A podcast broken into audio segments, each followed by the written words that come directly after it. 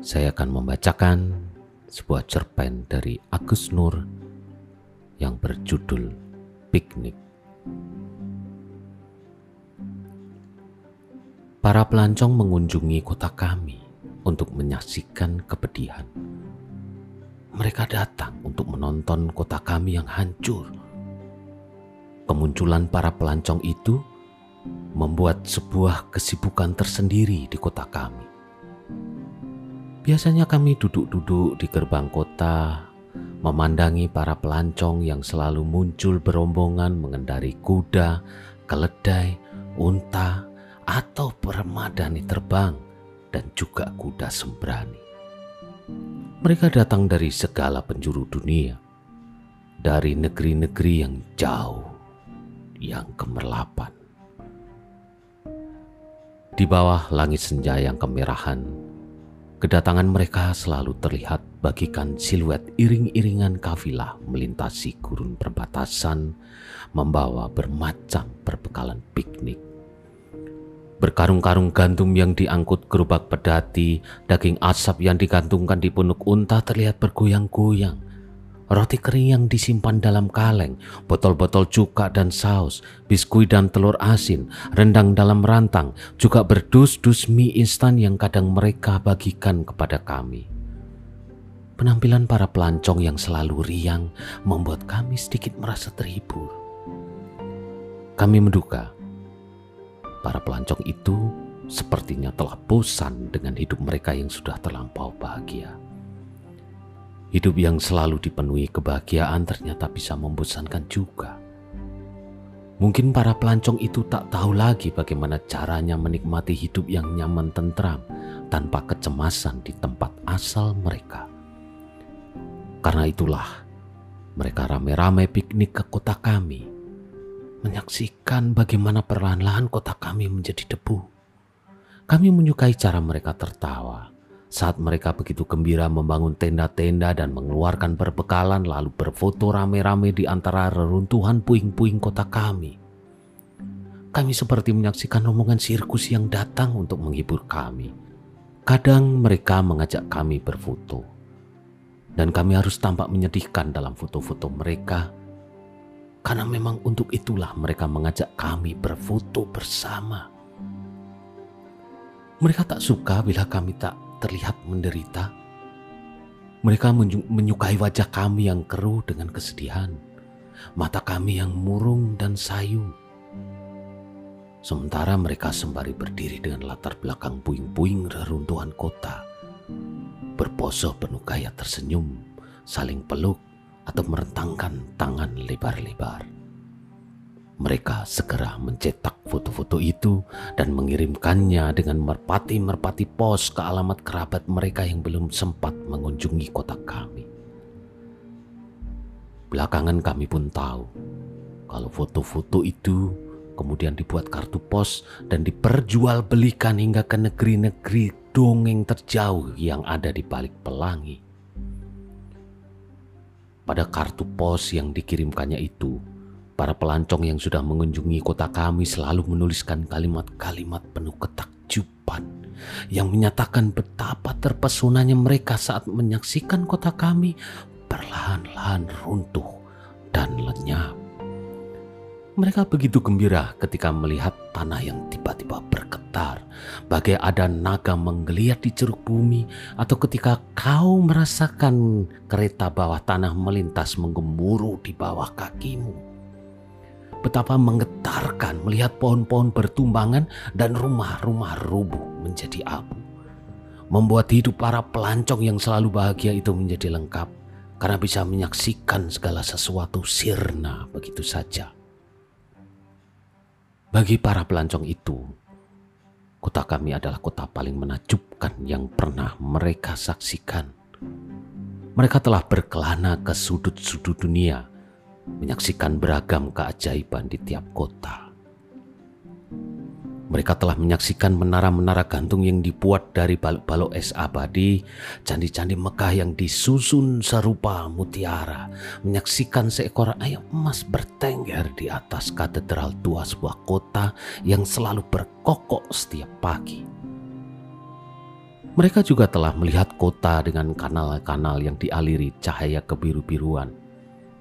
Kepada kami, para pelancong itu juga bercerita perihal kota kuno yang berdiri di atas danau bening, dengan rumah-rumah yang beranda-berandanya saling bertumpukan, dan jalan-jalannya yang menyusur dinding-dinding menghadap air hingga menyerupai kota yang dibangun di atas cermin, kota dengan jalan layang yang merupai jeljalin benang laba-laba, sebuah kota yang menyerupai benteng di ujung sebuah teluk dengan jendela-jendela dan pintu yang selalu tertutup menyerupai gelap anggur dan hanya bisa dilihat ketika senja kala.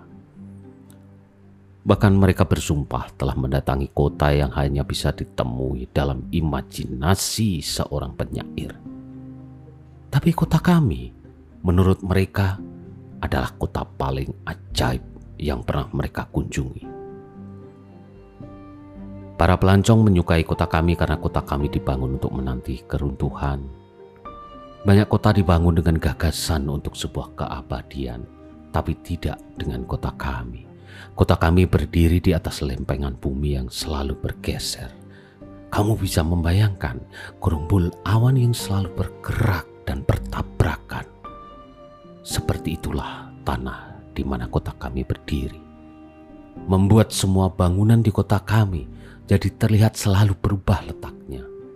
Barisan pepohonan seakan-akan berjalan pelan. Lorong-lorong, jalanan, dan sungai selalu meliuk-liuk dan ketika sewaktu-waktu tanah berguncang, bangunan dan pepohonan di kota kami saling bertubrukan, rubuh, dan runtuh menjadi debu serupa istana pasir yang sering kau buat di pinggir pantai ketika kau berlibur menikmati laut. Rupanya itulah pemandangan paling menakjubkan yang membuat para pelancong itu terpesona. Para pelancong itu segera menghambur berlarian menuju bagian kota kami yang runtuh begitu mendengar ada bagian kota kami yang tergoncang pora-poranda. Ah, dengan handycam, mereka merekam detik-detik keruntuhan itu. Mereka terpesona mendengar jerit ketakutan orang-orang yang berlarian menyelamatkan diri ke meretak tembok-tembok retak. Suara menggemuruh yang merayap dalam tanah.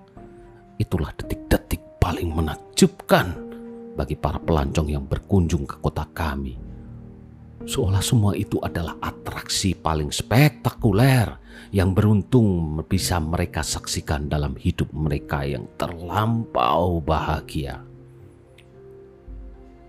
Lalu mereka memotret mayat-mayat yang tertimbun balok-balok dan batu bata, mengais reruntuhan untuk menemukan barang-barang berharga yang bisa mereka simpan sebagai kenangan. Saat malam tiba dan bintang-bintang terasa lebih jauh di langit hitam, para pelancong itu bergerombol berdiam di seputar api unggun sembari berbagi cerita, memetik kecapi dan bernyanyi, atau rebahan di dalam tenda sembari memainkan harmonika. Dari kejauhan kami menyaksikan mereka, merasa sedikit terhibur dan tak terlalu merasa kesepian. Bagaimanapun kami mesti berterima kasih karena para pelancong itu mau berkunjung ke kota kami. Mereka membuat kami semakin mencintai kota kami, membuat kami tak hendak pergi mengungsi dari kota kami, karena bila para pelancong itu menganggap kota kami adalah kota yang penuh keajaiban, kenapa kami mesti menganggap apa yang terjadi di kota kami ini sebagai sebuah malapetaka atau bencana? Seperti yang dikatakan para pelancong itu kepada kami, tiap kota memang memiliki jiwa. Itulah yang membuat setiap kota tumbuh dengan keunikannya sendiri-sendiri, membuat setiap kota memiliki kisahnya sendiri-sendiri, keajaiban tersendiri.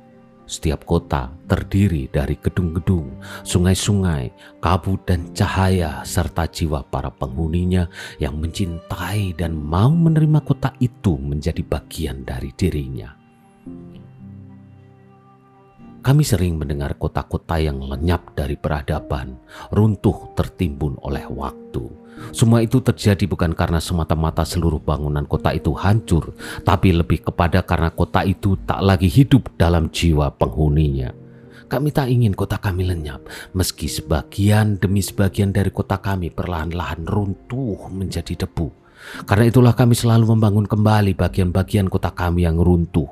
Kami mendirikan kembali rumah-rumah, jembatan, sekolah, tower dan menara, rumah sakit-rumah sakit, menanam kembali pohon-pohon, hingga di bekas reruntuhan itu kembali berdiri bagian kota kami yang hancur.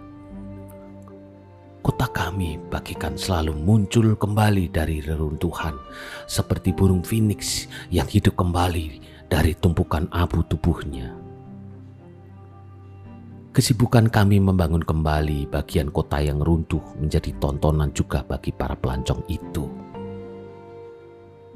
Sembari menaiki pedati, para pelancong itu berkeliling kota, menyaksikan kami yang tengah sibuk menata reruntuhan. Mereka tersenyum dan melambai ke arah kami. Seakan dengan begitu, mereka telah menunjukkan simpati kepada kami. Sesekali, para pelancong itu berhenti membagikan sekerat biskuit, sepotong dendeng, sepotol minuman, atau sesendok madu, kemudian kembali pergi untuk melihat-lihat bagian lain kota kami yang masih bergerak, bertabrakan, dan hancur. Kemudian para pelancong itu pergi dengan berbagai macam cerita ajaib yang akan mereka kisahkan pada kerabat dan kenalan mereka yang belum sempat mengunjungi kota kami. Mereka akan bercerita bagaimana sebuah kota perlahan-lahan hancur dan tumbuh kembali. Sebuah kota yang akan mengingatkan pada yang rapuh, sementara, dan fana. Sebuah kota yang membuat para pelancong berdatangan ingin menyaksikannya bila kau merencanakan liburan akhir pekan dan kau sudah bosan piknik ke kota-kota besar dunia yang megah dan gemerlap, ada baiknya kau berkunjung ke kota kami. Jangan lupa membawa kamera untuk mengabadikan penderitaan kami. Mungkin itu bisa membuatmu sedikit terhibur dan gembira. Berwisatalah ke kota kami. Jangan khawatir, kami pasti akan menyambut kedatanganmu dengan kalungan bunga dan air mata. Yogyakarta tahun 2006